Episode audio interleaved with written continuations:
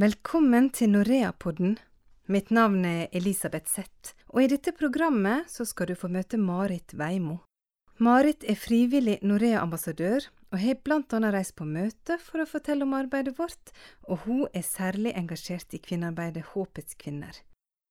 For en tid tilbake var hun på besøk til et land i Sentral-Asia der Norea har sitt arbeid.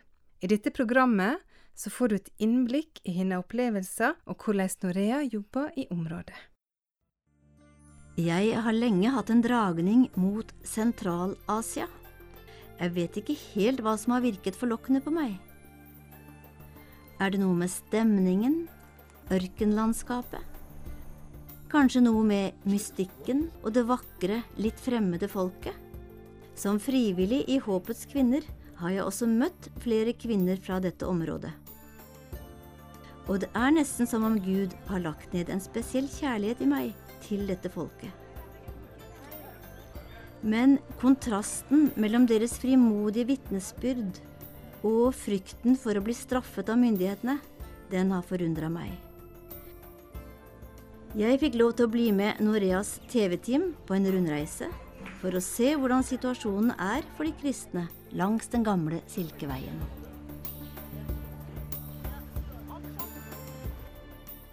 Ja, Marit, eh, som vi hørte, så har du jo lenge hatt et hjerte for Sentral-Asia. Ja, jeg har fått vært der faktisk to ganger. I 2008 første gangen, og så i 2014. Og har jo blitt kjent med land og folk. Og syns det er et veldig spennende område. Og hadde veldig lyst til å reise tilbake og se særlig hvordan situasjonen er til de kristne. Er den så alvorlig som jeg har fått inntrykk av?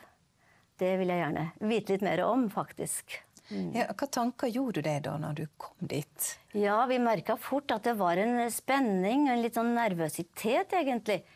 Og hvor mye kunne vi si? Hvor mye kunne vi synge lovsanger i den minibussen vi kjørte? Kunne vi ta bilder av guiden, av folk? Eh, kunne jeg ha med min egen bibel? Kunne jeg f.eks. dele ut noe kristen barnelitteratur? Det var mange spørsmål, og jeg kjente at var, vi måtte være veldig forsiktige, rett og slett. Så det var, eh, var spent, en spent situasjon. Og nå skal vi få et lite innblikk i hvordan situasjonen er for de kristne i dette landet. De kristne vi møtte, fortalte oss at myndighetene hadde streng kontroll på de ca. 2500 kristne som bor her i dette landet. For her finnes ingen godkjente evangeliske kirker. All evangelisk kristen trosutøvelse, det er forbudt. Det er ikke lov til å be på morsmålet eller oversette kristen forkynnelse. Og ingen mindreårige kan delta på kristne arrangement. Og det er strengt forbudt å misjonere til annerledes troende. Mistanke om overtredelse av loven kan føre til husransakelser og straffes med bøter, fengsel og reaksjoner også overfor andre familiemedlemmer. Mange ganger er boten så høy at man må selge eiendeler og komme i gjeld resten av livet for å ha deltatt på et kristent møte, eller for å ha gitt noen en kristen bok i gave. En ettermiddag fikk vi møte noen kristne brødre og søstre.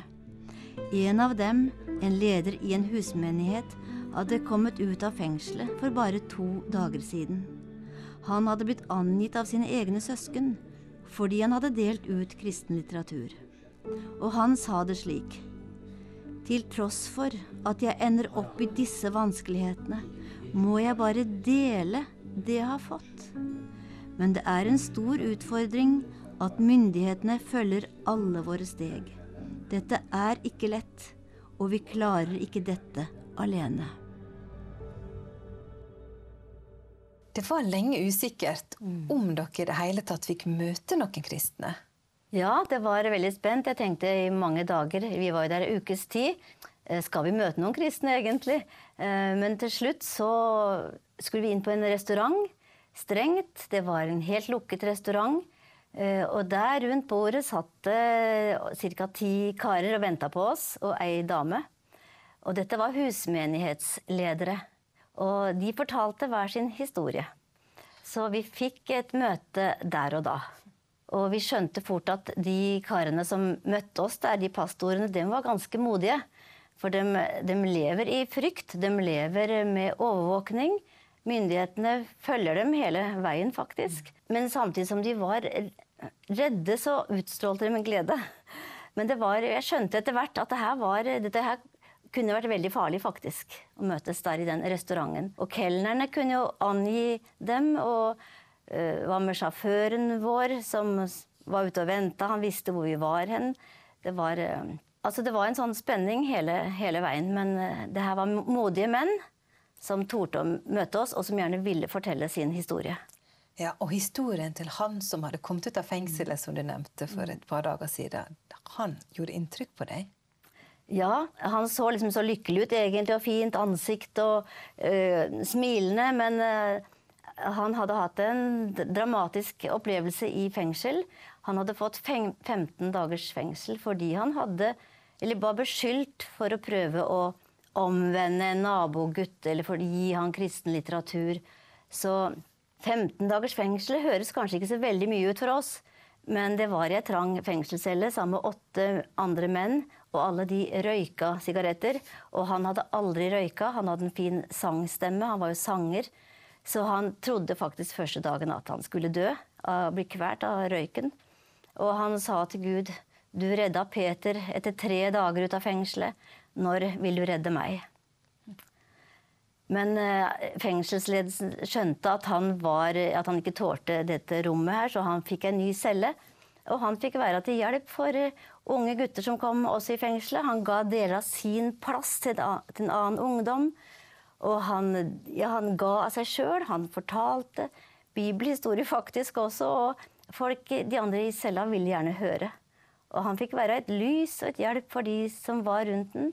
Og da ni dager var gått, så slapp han ut. Men da hadde han egentlig ikke lyst til å dra derifra, for han følte at her fikk han være et lys for sine medmennesker og peke på Jesus midt i mørket utrolig sterkt mm. å høre. Og jeg vet du møtte kona også. Og jeg tenker ja. jo at denne situasjonen, det presset, det er jo ikke bare han mannen, men det er hele familien som lever under det. Ja, det er hele familien som lever under presset. Eh, de må flytte. De blir forfulgt på et sted, så må de flytte til neste sted. Flytte fra det de har kjent og kjært. Det er ikke bare mannen i familien, det er kone og det er barn som alle blir berørt av den forfølgelsen som de lever under. En kan jo tenke når du hører om alle disse restriksjonene. Det er ikke lov å misjonere, det er ikke lov å ha evangelisk møte. Hvordan kan en nå inn med evangeliet? Hvordan kan en klare å vitne? Ja, Det er det som er så fantastisk, at det, det, det fins en mulighet. Det fins en misjonær som når inn.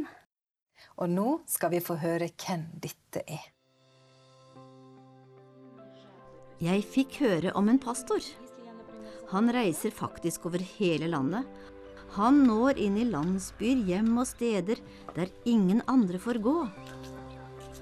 Han forkynner til trøst og frelse, og forteller så varmt og nært om livet med Jesus. Og jeg tenkte, hvem i all verden er denne pastoren? Jo, pastoren er radioprogram.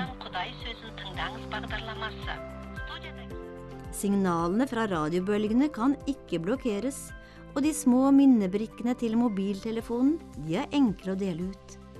Der hvor myndigheter blokkerer og stenger pastor inne, har vi fått et redskap. Radioprogram som forkynner inn i menneskers hjerter til omvendelse, trøst og med kunnskap.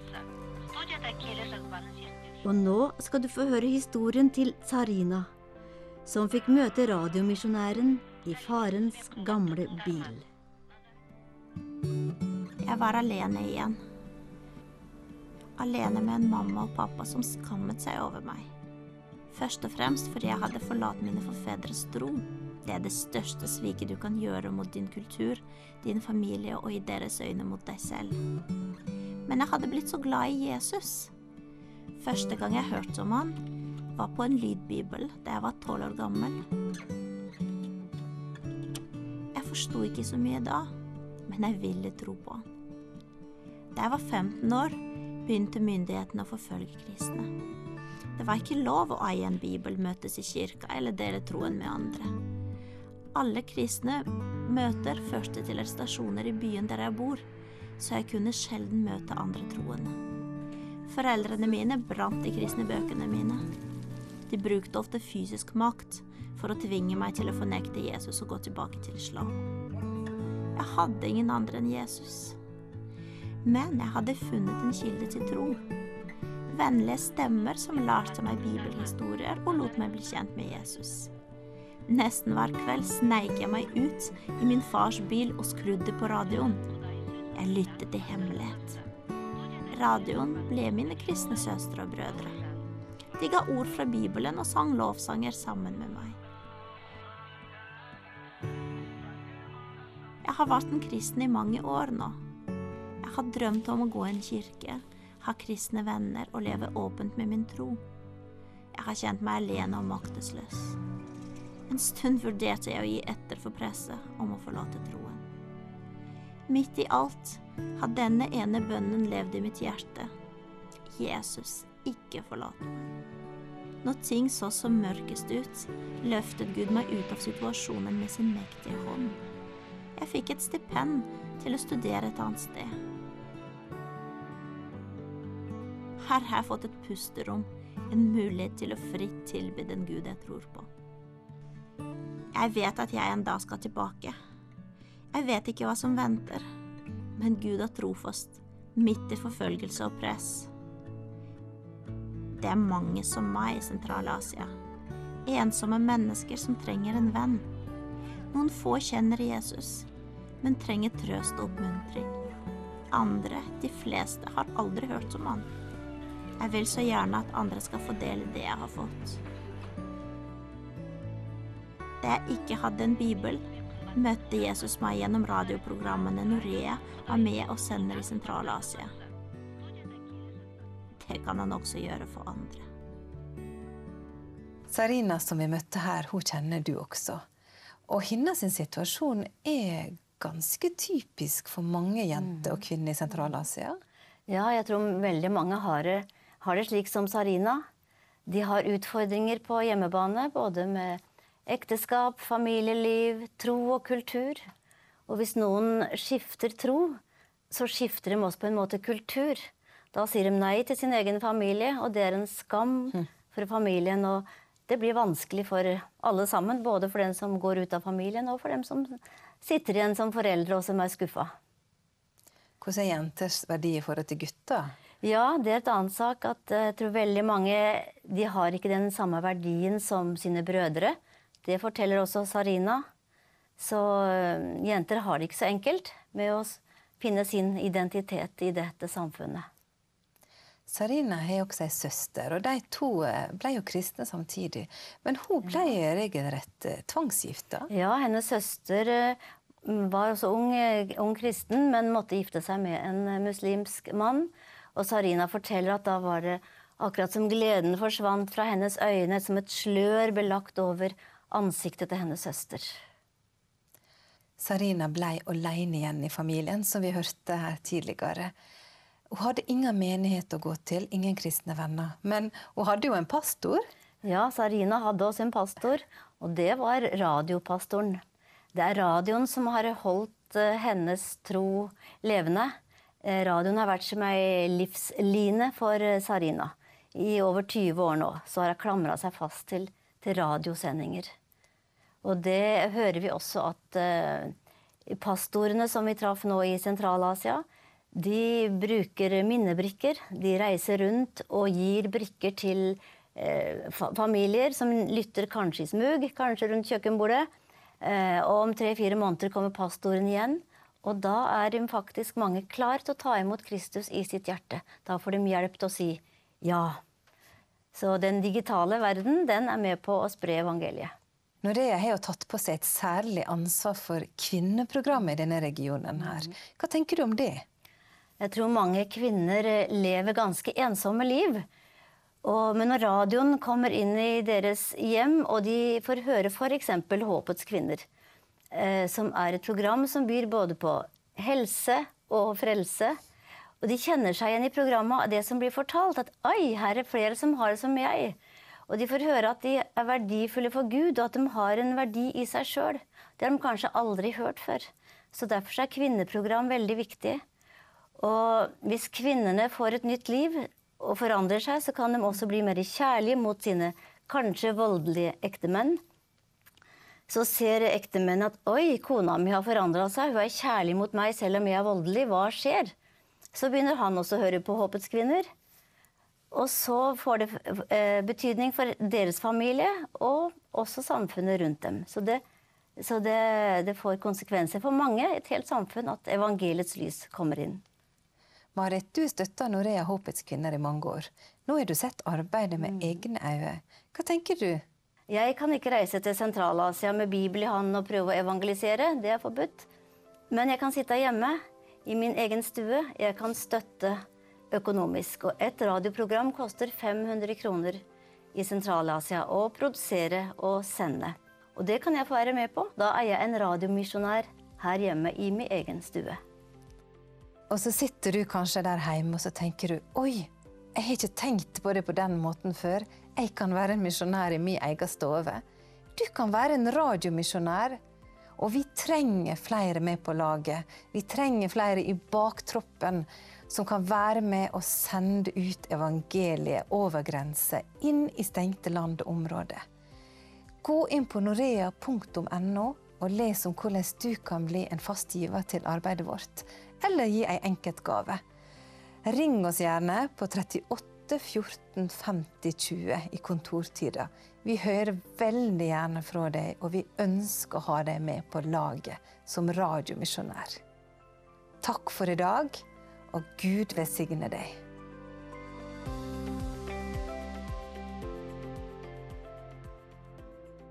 Du har lytta til Norea-podden fra Norea Mediemisjon.